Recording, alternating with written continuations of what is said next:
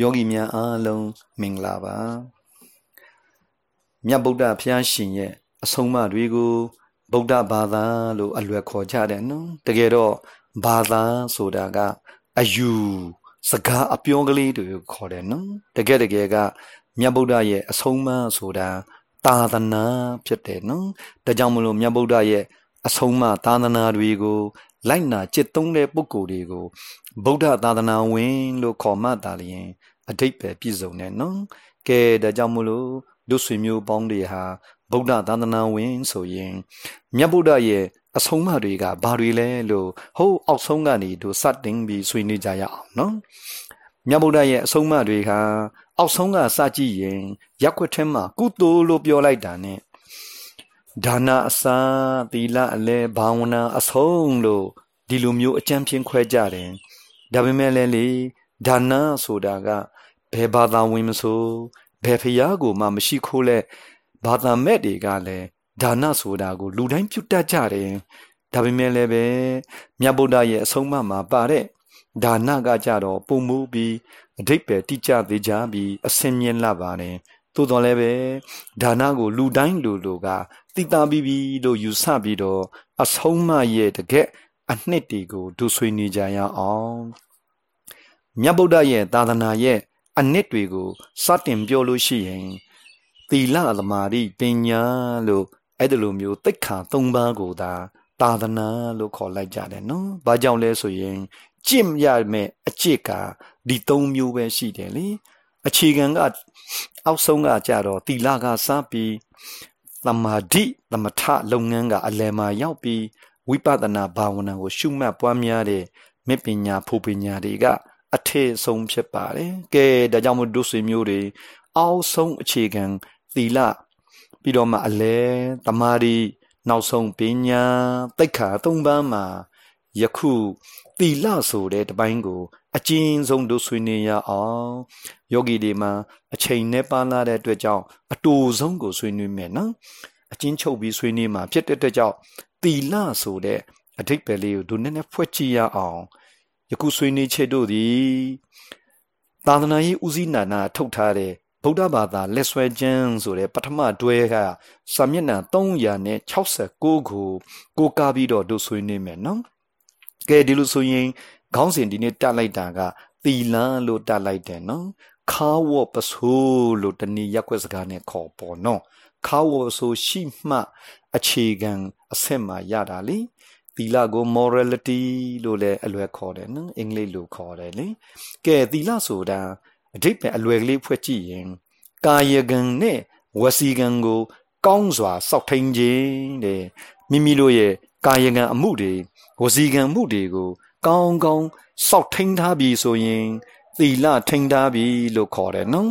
အဲ့ဒါကိုအလွယ်ဆုံးနဲ့တလုံးတည်းနဲ့ပြောရင်ထိန်လို့ခေါ်တာပေါ့ကာယဝစီကိုထိန်တာနော်ဒီလိုဆိုရင်သီလကဘဲကနေပြီး origin ပေါ့မူရင်းဘဲကလာလဲလို့ကြည့်ရင်သီလကိုတနည်းသီတလို့လဲခေါ်တယ်သီတဆိုတာဥကောင်းပေါ့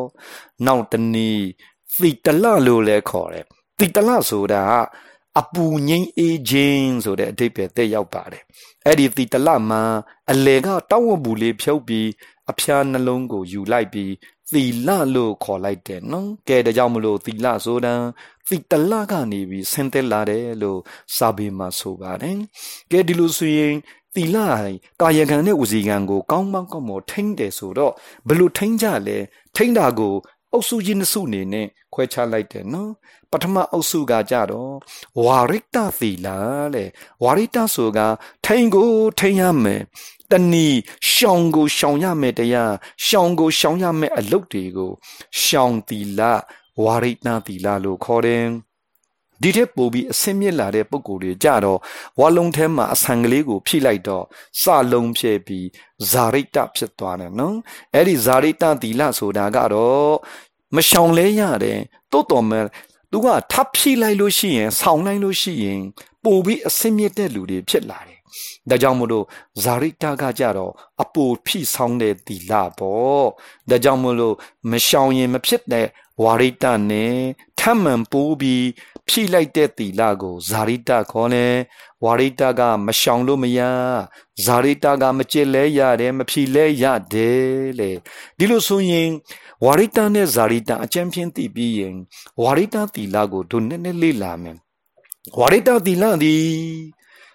လူတွေရဲ့အနေထားအဆက်တန်းပေါ်မှာမူတည်ပြီး ကွာခြားကြပါနဲ့ကဲအဆက်တန်းမှာဘလို့ကွာလဲမထိန်ရင်မဖြစ်တဲ့အ ਨੇ ဆုံးဆိုတဲ့သူတို့ရဲ့အဆက်တန်းလိုက်သူတို့ကွာခြားကြတယ်ဥပမာအိမ်မှာအိစီကံကျောင်းမှာကျောင်းစီကံဟောကျောင်းသားဆိုရင်ကျောင်းစီကံအိမ်ရောက်လာရင်အိမ်စီကံရှိတယ်လို့လုပ်ငန်းထဲမှာလုပ်ငန်းစီကံရှိတယ်နော်သူ့နေရာနဲ့သူ့အဆင့်နဲ့သူဒီလိုပဲလူတွေထဲမှာလည်းကလေးရကလေးစီကံရှိရတယ်လူကြီးရလူကြီးစီကံ ဟောဒီတိုင်းပဲရက်ွက်ထဲမှာပါမန်လူတွေဆိုရင်ပါမန်လူတွေရဲ့စီကံရှိရမှာဖြစ်ပြီးတော့ နည်းနည်းပိုထိမ့်ချင်တဲ့ပုံကိုယ်တွေကြတော့ဥပုသ်သည်ဆိုပြီးသီလတွေကိုထိမ့်ကြတယ်အဲ့ဒါတည်င်းသည်ဆိုပြီးဥပုသ်ယူကြတဲ့ပုံကိုယ်တွေကြတော့ပိုပြီးထိမ့်လိုက်တဲ့သီလအဲ့ဒါဖြစ်သီလတွေဆက်ပြီးထိမ့်လိုက်တဲ့အတွက်ရှစ်ပန်းသီလလို့သတ်မှတ်တယ်နော်ရက်ွက်ထက်ကလူဆိုရင်ငါးပါးသီလမထိမ့်လို့ကိုမရမရှောင်လို့ကိုမရတဲ့သီလပေါ့ဥပုသ်သည်လို့ပြောလိုက်တာနဲ့ရှစ်ပန်းသီလမထိမ့်လို့မရတော့ပါဘူး အကယ်၍မထိန်ချင်ရင်ပါမန်လူလို့ရက်ွက်ထမ်းမှနေရတယ်နော်ဒီတော့သူ့အဆက်တန်းလိုက်သူ၅ပါးနဲ့၈ပါးကိုမိမိရဲ့လုပ်တဲ့လုပ်ငန်းပေါ်မှာမူတည်ပြီးသီလရဲ့အရေးအတွက်တွေအဆက်တန်းတွေကွာတယ်နော်အကယ်၍လူဝတ်ကြောင်တွေကိုရှော့ဆော့ပြီးဖျားသားတော်တွေဖြစ်ချင်ရင်ကိုရင်ဆိုတဲ့ရှင်ပြုလိုက်ပြီဆိုရင်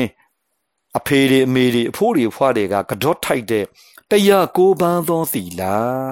တရားကိုပန်းသောသီလကိုထိမ့်လိုက်လို့မိဘတွေဖိုးဖွားတွေကတော့ကတော့ကြတယ်ဒါကြောင့်မလို့ကိုရင်သီလဆိုတာမြင့်သွားပြီဒီလိုဆိုရင်ကိုရင်ဝေါ်လိုက်ရင်မထိမ့်လို့မရဘူးတရားကိုပါရှောင်ကိုရှောင်ရတယ်ဒီလိုဆိုရင်ကိုရင်ထက်ထမြက်တာကိုရက်ွက်ထမ်းမှလူတိုင်းသိတယ်ယဟန်ဆိုတဲ့ဖုန်ကြီးတွေပေါ့ယဟန်ဝေါ်လိုက်ပြီဆိုရင်အဲ့ဒီဟန်ဒီ220ခဏသွဲ မထိန်လို့ကိုမရပါဘူး229သွဲကို ထိန်မှသာလျင်ယဟန်ဒီတီလာလုံတယ်လို့ခေါ်တယ်ဒါကြောင့်မို့လို့ယဟန်ဒီဖတ်တော်အလုံးတို့ရဲ့ယူသေးပူဇော်မှုကိုခံရတာပေါ့သီလကိုပူဇော်တာပါသင်္ကန်းကြီးကိုကြော့တာမဟုတ်ပါဘူးသူစောင့်ထိန်တာတဲ့သီလကိုဒုများယူသေးလေးစားကြော့ကြခြင်းဖြစ်ပါဒါကြောင့်မလို့ယဟန်ဆိုရင်229ပါးသောသီလဖြစ်ပါ အကျဉ်းပဲရှိသေးတယ်လေ229သွဲဆိုတာလေမာတိကံလောက်ပဲရှိသေးတယ်ခေါင်းစဉ်ကလေးပေါ့အကယ်၍အကျယ်ချဲ့ရင်တဲ့ဂဒေကိုထောင်နဲ့180ငါးသန်း3600ရှိတယ်ဒီလိုဆိုရင်ဝါရိတသီလကလည်းအဆက်တန်းလိုက်กว่าတယ်နော်တို့ဆွေမျိုးတွေကောင်းကောင်းနားလည်စေခြင်းနဲ့မိမိရဲ့အဆက်တန်းလိုက်မိမိလုံခြုံအောင်ရှောင်ကိုရှောင်ရမယ့်သီလတွေကို သိနိုင်ကြပါစေလို့တိုက်တွန်းရင်းနည်းနည်းလေးဇာရိတနဲ့ဝါရိတဘလို့ကွာသွားလဲဆိုတာတို့ထပ်လေ့လာကြည့်ရအောင်နော်လူတိုင်းလူတိုင်းပုဂ္ဂိုလ်တိုင်းပုဂ္ဂိုလ်တိုင်းအားလုံးတို့သည်မိမိတို့ရဲ့အဆက်တန်းလိုက်ကိုစောက်ထိန်ရမယ့်အရေးအတွက်ကို မထိန်လို့မဖြစ်ဘူးမရှောင်လို့မဖြစ်တဲ့သီလကိုဝါရိတသီလလို့ခေါ်လိုက်တယ်အဲဒီမထိန်လို့မဖြစ်တဲ့ အောက်ခြေအခြေခံသီလကိုထိန်ပြီးတဲ့အခါမှာမိမိပြည့်စုံသွားပြီအဲ့ဒီချိန်ကြတော့မှအဆက်ထမြင့်ချင်လာမယ်ဆိုရင်ပူလော်ပူလော်တယ်ပေါ့ထမှန်ပြမြင့်မားတဲ့သီလတွေကိုလက်ကျကြည့်လို့ရှိရင်လက်ကျကြည့်လို့ရတယ်အဲ့ဒါလိုလက်ကျကြည့်လိုက်လို့ရှိရင်တဘာပူထိန်လိုက်ပါကတမျိုးပိုးပြီးငိမ့်ငိမ့်လာကြောင်းကိုလက်တွေ့လက်ကျ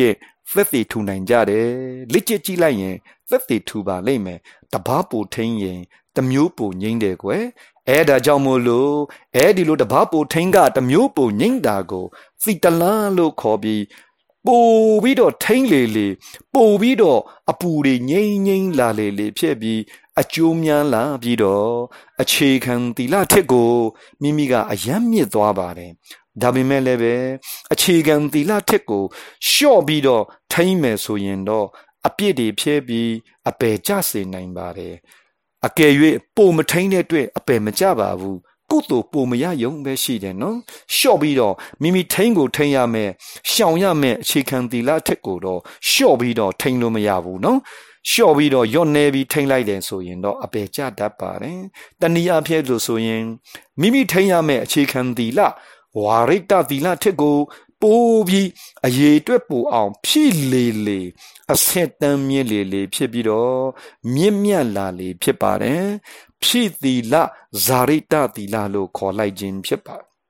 ဒါကြောင့်မို့လို့ဇာရိတသီလကို ပိုမထိန်ဖြစ်လို့ရှိရင်အပြစ်မဖြစ်ဘူးနော်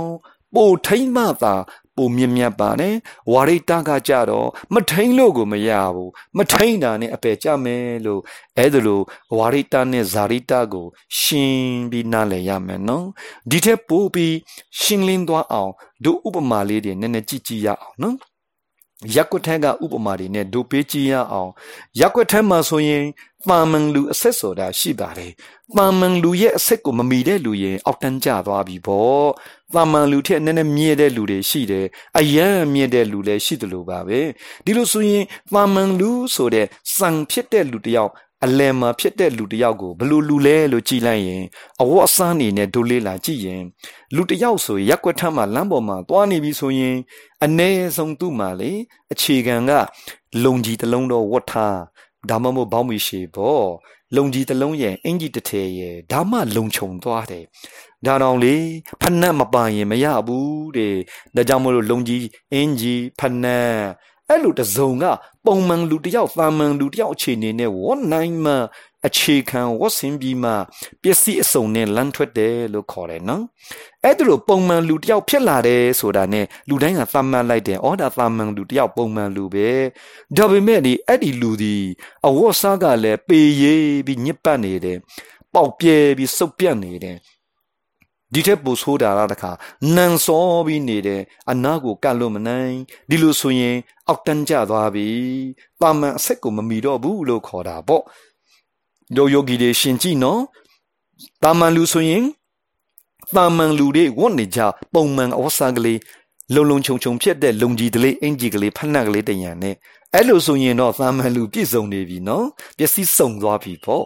အဲ့ဒီစုံနေပေမဲ့ကြိလိုက်တဲ့အခါမှာအင်ကြီးကပေကြံလုံကြီးကပေါက်ပြဲဟောဖက်နှက်ကလည်းတပိုင်းပြန်အနာကပြန်တော့လဲနန်းစောညစ်ပတ်နန်းစောပြီး စုပ်ပြန့်နေတဲ့အပေါက်ဖားတွေ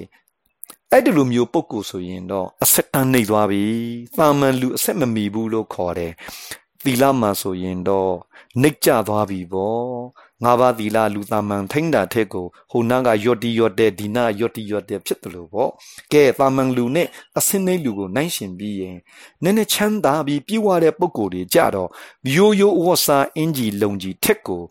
ဈေးလဲကြီးမယ်။ အင်မတန်သရှင်းပြီးတော့မိဘူးတွေနဲ့တိုက်ပြီးခေါရိုးတွေကျိုးလို့အင်မတန်ကောင်းလာတဲ့အဝတ်စားတွေကိုဝတ်ထားပြီး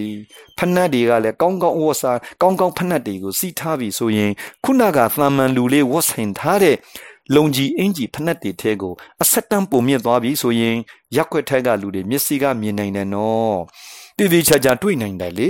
ဒီထက်အရန်ဆင်းမြင့်ရင်တော့အရန်မွေးကြိုင်ပြန်လန်းပြီးနောက်ဆုံးပေါ်အင်ဂျီဝတ်စားတွေနဲ့ဈေးအကြီးဆုံးဟာတွေနဲ့ဝတ်ပြီးတော့အင်မတန်လှပတဲ့ဟာတွေဝတ်ထားပြီးဖက်နှက်တွေကလည်းအကောင်းဆုံးဖက်နှက်တွေဝတ်ထားရင်ဒီလူကိုအဆက်တမ်းမြင့်လာတဲ့လူလို့သတ်မှတ်တယ်လူချင်းတူပေမဲ့လည်းပါမန်လူနဲ့နည်းနည်းမြင့်တဲ့လူနဲ့အယမ်းမြင့်တဲ့လူနဲ့ကြွာသွားပြန်ပြီတွေ့လားယောဂီတို့ရေမျက်စိကမြင်တဲ့နှာခေါင်းကနေအနတ်သစ်တွေရနိုင်တယ်နော်ဒီလိုပဲသီလဆိုတာကလည်း သူ့ရဲ့ကာယကံအမှုတွေကိုမျက်စိကနေအလွယ်တကူမြင်နိုင်တယ်။သူ့ရဲ့ဝစီကံအမှုတွေကိုနားကလည်းဘယ်သူမှဆိုကြားနိုင်တယ်။တာမန်လူကမပြောပါနဲ့။တလိษံလေးတွေခွေးလေးတွေကြောင်လေးတွေတောင်လူတွေရဲ့သီလကို ခံမန်းနိုင်တယ်ကွယ်။မျက်စိကလည်းမြင်တာကိုနားလည်းကြားတာကိုအိမ်မတန်သိတာလွယ်တယ်နော်။ကဲဒါကတော့ဝဆန်းစင်ရမှုနဲ့ပတ်သက်ပြီးဥပမာပေးပါတယ်။ဟောနံပါတ်1ဥပမာလေးကြည်လိုက်လို့ရှိရင်အစားအသောက်နဲ့ပတ်သက်ပြီးဒုပေးကြည့်ရအောင်။အစားအသောက်စားတဲ့နေရာမှာလဲပါမန်လူတယောက်စားရင်ဘယ်လိုစားလဲထမင်းနဲ့ဟင်းတစ်ခွက်လောက်နှစ်ခွက်လောက်အများဆုံးပါသွားရင် အဲ့ဒီလူဒီသာမန်ထမင်းပွဲတစ်ခုလို့ဖြစ်သွားတယ်နော်အဲ့ဒီလိုကြောင့်မလို့နေ့တိုင်းလူတွေစားနေကြတဲ့ထမင်းနဲ့ဟင်းလေးတစ်ခွက်နှစ်ခွက်ဒါမှမဟုတ်ရင်လမ်းဘေးမှာရှိတဲ့ပုံစားပြီး900တထောင်လေးနဲ့လမ်းဘေးမှာတပွဲတစ်ခါပြင်အဲ့လိုပုံစားနေတဲ့ပုံကောထမင်းနဲ့ဟင်းနဲ့ပြည်စုံတာပေါ့ ဟဟောသူထက်နေတဲ့လူကြည်လိုက်ရင်ဟင်းအောင်မပါဘဲနေထမင်းစီဆန်းပြီးစားကလေးနဲ့နေစားနေရတဲ့စပေးရှောင်စခန်းတွေမှာသိသနာစရာကောင်းတယ်နော်ကလေးလေးတွေကြည်လိုက်ရင်ကောင်ကတလောင်းလောင်းထမင်းလေးထဲမှာကြည်ဟင်းလည်းမပါစီလေးထမင်းဆန်ကလေးစီလေးစားလေးတွေနဲ့နေစားနေကြတာ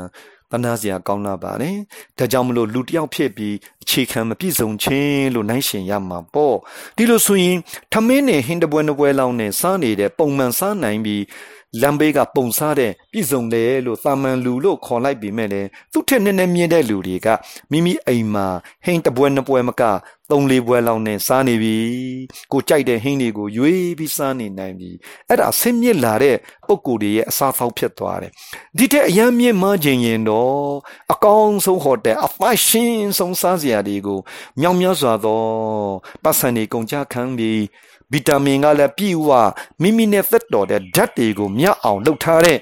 သိပြီးအစစ်တမ်းမြင့်တယ်လို့ရက်ွက်ထက်ကပြောတဲ့လူကုန်တန်းတွေသိချမ်းသာတဲ့ပုံကိုယ်တွေသတ်သတ်ရှင်းရှင်းနဲ့ဗီတာမင်တွေအပြည့်နဲ့ကျန်းမာရေးနဲ့သက်တော်တဲ့အစာအသောက်တွေကိုဗီတာမင်ပြည့်ပြည့်နဲ့သတ်သတ်ရှင်းရှင်းအစာအသောက်တွေစားနေတဲ့ပုံကိုယ်တွေကြတော့အစစ်တမ်းမြင့်လာတဲ့အသုံးဆောင်အစာတွေကိုစားနေတယ်လို့ခေါ်နေနော်ဒါကြောင့်မလို့ခုနကပြန်ကောက်ကြည့်ရင်အဝတ်အစားမှာလည်းပါမန်လူရှိတယ်နှိတ်ကြလူရှိတယ်လို့အစင်မြင့်တဲ့လူရှိပြီး ထိတ်တန်းပုံကိုယ်တွေရှိတယ်လို့အစားပေါင်းမှာလည်းပါမန်လူစားနိုင်တဲ့အစားနှိတ်ကြသူတို့ရဲ့အစားအစင်မြင့်သူတို့ရဲ့အစားနဲ့ထိတ်တန်းပုဂ္ဂိုလ်တဲ့အစားဆိုပြီးကွဲပြားလာပါတယ်။ကဲဒီလိုဆိုရင်တို့များသီလကိုလူတိုင်းသိတာလွယ်တယ်။မသိချင်တယ်လို့သာနေလို့သာလည်းမပြောလို့တည်နေတာနော်။တတိထားပြီးကြည်နိုင်စေမိမိကိုယ်တိုင်နဲ့သီလထိန်းတာကိုမိမိကိုယ်တိုင်သိတယ်။ဒီလိုဆိုရင်သီလကိုထိန်းနိုင်ရဘာဖြစ်လဲ။ သီလကဂုံတင်းအမတန်မွေးပြတ်တယ်တဲ့ဘလောက်ထိမွေးပြတ်လဲဆိုရင်ပါမန်ရက်ွက်ထဲမှာရှိတဲ့အမွေးရနတ်တွေကရေမွေးတွေပန်းရနတ်တွေအလုံးတို့တွေဟိုးလေတိုက်တဲ့အရန်အပေါ်ကနေတိုက်ချလာရင် အောက်ကအရက်ကလေညာအရက်ကနေပြီးတော့အနက်ရတယ်မွေးကြတယ်နော်ဟိုးပေါ်မှာတွန်းကြည့်တော့တွန်းရှူရင်အနက်မရတော့ဘူးလေသာယာလေလာယာအရက်ကနေပြီးမှအောက်ကလူကမှမွေးတာနော်တီလာကုံကြတော့ ထိတ်တန်းစက်ကြောင်ရာအနန္တကိုမွေးပြစေတယ်လေကျန်ကံမှာပြတာကတော့ဘုံအသီးသီးကိုသီလရဲ့ဂုံကကြိုင်လိုင်မွေးပြတ်တယ်တဲ့ဥပမာအားဖြင့်ဆိုရင်ပကြာမင်းဒီတဲ့ဝိဇန္တာပြတ်သားကနေပြီးနန္ဒဝဥယင်ကိုသွားတော့မယ်ဆိုရင်နတ်ယထာဘောကိုမတက်ခင်မှာအယရှိမျက်နာကိုကြော့နေတာကိုယထာထိန်ဖြစ်တဲ့မတလိနတ်ကမေးတယ်တဲ့အသင်ကြမင်း ဘသူကိုကြော့နေတာလဲမေးတဲ့အခါမှာလူပြည်မာလေတီလစင်ကြယ်လာတဲ့ပုံကိုယ်တွေကို ယူသေးလေးစားစွာကတော့တယ်ကဲကြည်စမ်းပါအောင်တကြမ်းမင်းပင်လီရင်ကတော့တယ်တဲ့နော်လူယောဂီများပေါ်သေးသေးမထင်လိုက်နဲ့ငါးပါးသီလထိမ့်နိုင်ရင်လေကဲဒီလောက်ဆိုရင်သီလရဲ့မွေးပြတ်ပုံလည်းသိရင်သီလထိမ့်မှလူတွေကလည်းအဆက်တန်းရှိတဲ့လူလို့အောက်ခြေမှာသတ်မှတ်တယ်နော်သီလမစင်ကြယ်တဲ့ပုဂ္ဂိုလ်အလုံးကိုလူတွေအလုံးကအော်နှလုံးနာကြတယ်ဒါကြောင့်မလို့ဒုစင်မျိုးတွေသီလကိုဝါရိတကိုမဖြစ်မနေဒုထိန်ကြရအောင်လို့တိုက်တွန်းရင် ဝါရိတသီလ၅မျိုးကို အခေါ်၅မျိုးလေးနဲ့တို့လေ့လာမယ်နော်ဝါရိတသီလကိုစာပေမှာ၅မျိုးတောင်ခေါ်ကြတယ်အဲ့ဒီ၅မျိုးလုံးဒီတူတူပဲအဲ့ဒီ၅မျိုးလုံးရဲ့အဓိပ္ပာယ်ကိုမိမိသိသွားအောင်ဘုဒ္ဓတာအနေနဲ့လေ့လာရအောင်နော်ကဲ မထိန်ရင်မဖြစ်တဲ့ရှောင်ရမယ့်သီလကို၅မျိုးခေါ်တယ်နံပါတ်၁ကနေဆသီလလို့ခေါ်လိုက်တယ်နေဆဆိုတာပါဠိလိုကိုနေလို့မှတ်လိုက်ဖို့နော်နေဆသီလတဲ့မြန်မာလိုပြန်လိုက်ရင်နေဆဆိုတာခါဝပစိုးကဲ့သို့အမြဲဆောက်ထိန်ခြင်းခေါဝပစိုးလူမြဲအောင်ထိန်ထားရတာကိုမြဲလို့တလုံးမှတ်ပေါ့မြန်မာလိုကမြဲပါဠိလိုကနေပေါ့နောက်နံပါတ်2ကခေါ်ဝေါ်တာက ဂရုဓမ္မသီလတဲ့ဂရုဓမ္မဆိုတာဟာအလေးပြုရတာဘလောက်လေးမြတ်ပြုရလဲဆိုတသဲလုံးမကျွတ်မပေါက်နဲ့ကိုအလေးအမြတ်ပြုအပ်တဲ့အကျင့်လို့ခေါ်တယ်တသဲလုံးကိုမကျွတ်မပေါက်ရဘူးအလေးအမြတ်ပြုအပ်တဲ့အကျင့်ကိုဂရုဓမ္မလို့ပါဠိလိုဂမှတ်ပြီးမြန်မာလိုဆိုရင် အလေးအမြတ်ဆိုတော့လေးပေါ့ဂနဲ့လေးပေါ့နော်နံပါတ်3ကလည်းဂတဲ့ဂကတော့ ဂဟထာလို့ခေါ်တယ်ဂဟဆိုတာလူဝတ်ကြောင်တွေရက်ွက်သေးကိုနော်အဲ့ကိုမိတာလေးကိုဂဟလို့ခေါ်ဂေဟလို့ခေါ်ဂဟထသီလဆိုတာလူဝတ်ကြောင်တွေမှန်သမျှစောက်ထိန်ခြင်းလူဝတ်ကြံလို့ပြောလိုက်တာနဲ့ထိန်ကိုထိန်ရတော့တယ် အဲ့ဒါကြောင့်မလို့ပါဠိလိုကဂလို့မှတ်ပြီးလူဝတ်ကြောင်ဆိုတော့ကြောင်လို့မှတ်လိုက်နော်နေဂဂဘောသုံးလုံးရသွားတဲ့နေဂဂပါဠိလိုမြန်မာလိုမြဲလေးကြောင်တဲ့ဒီလိုဆိုရင်နံပါတ်၄ဒီဝိရတိလို့လည်းခေါ်လိုက်တယ်ဝိရတိဆိုတော့တော့ကြားဘူးတယ်ဝိရတိ၃ပါးဆိုတာလေကဲတူတူလေးဆွေးနွေးရင်ဝိရတိဆိုတာဘာလုပ်ရမလဲမဖြစ်မနေရှောင်ကိုရှောင်ကျင်ရတယ်အင်္ဂလိပ်လိုက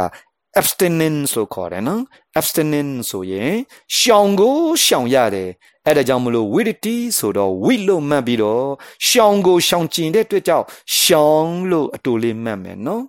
ဝိရရှောင်ရပေါ့နံပါတ်5နောက်ဆုံးကတော့အရိယကန္တလို့ခေါ်တယ်အရိယပုဂ္ဂိုလ်တို့မြတ်နိုးနှစ်သက်တာအရိယကြီးတွေသူတော်စင်ကြီးတွေမြတ်နိုးနှစ်သက်တဲ့သီလပေါ့အရိယကန္တအလို့အတူမှတ်ပြီး အရိယတို့ကမျက်နှုတ်နှစ်သက်တော့နှစ်ပေါ်နှစ်ခုနကပါဠိလိုလေးပြန်ပူဇော်ရင်နေဂဂဝိအဘောပါဠိလိုရဲ့အတူနေဂဂဝိအ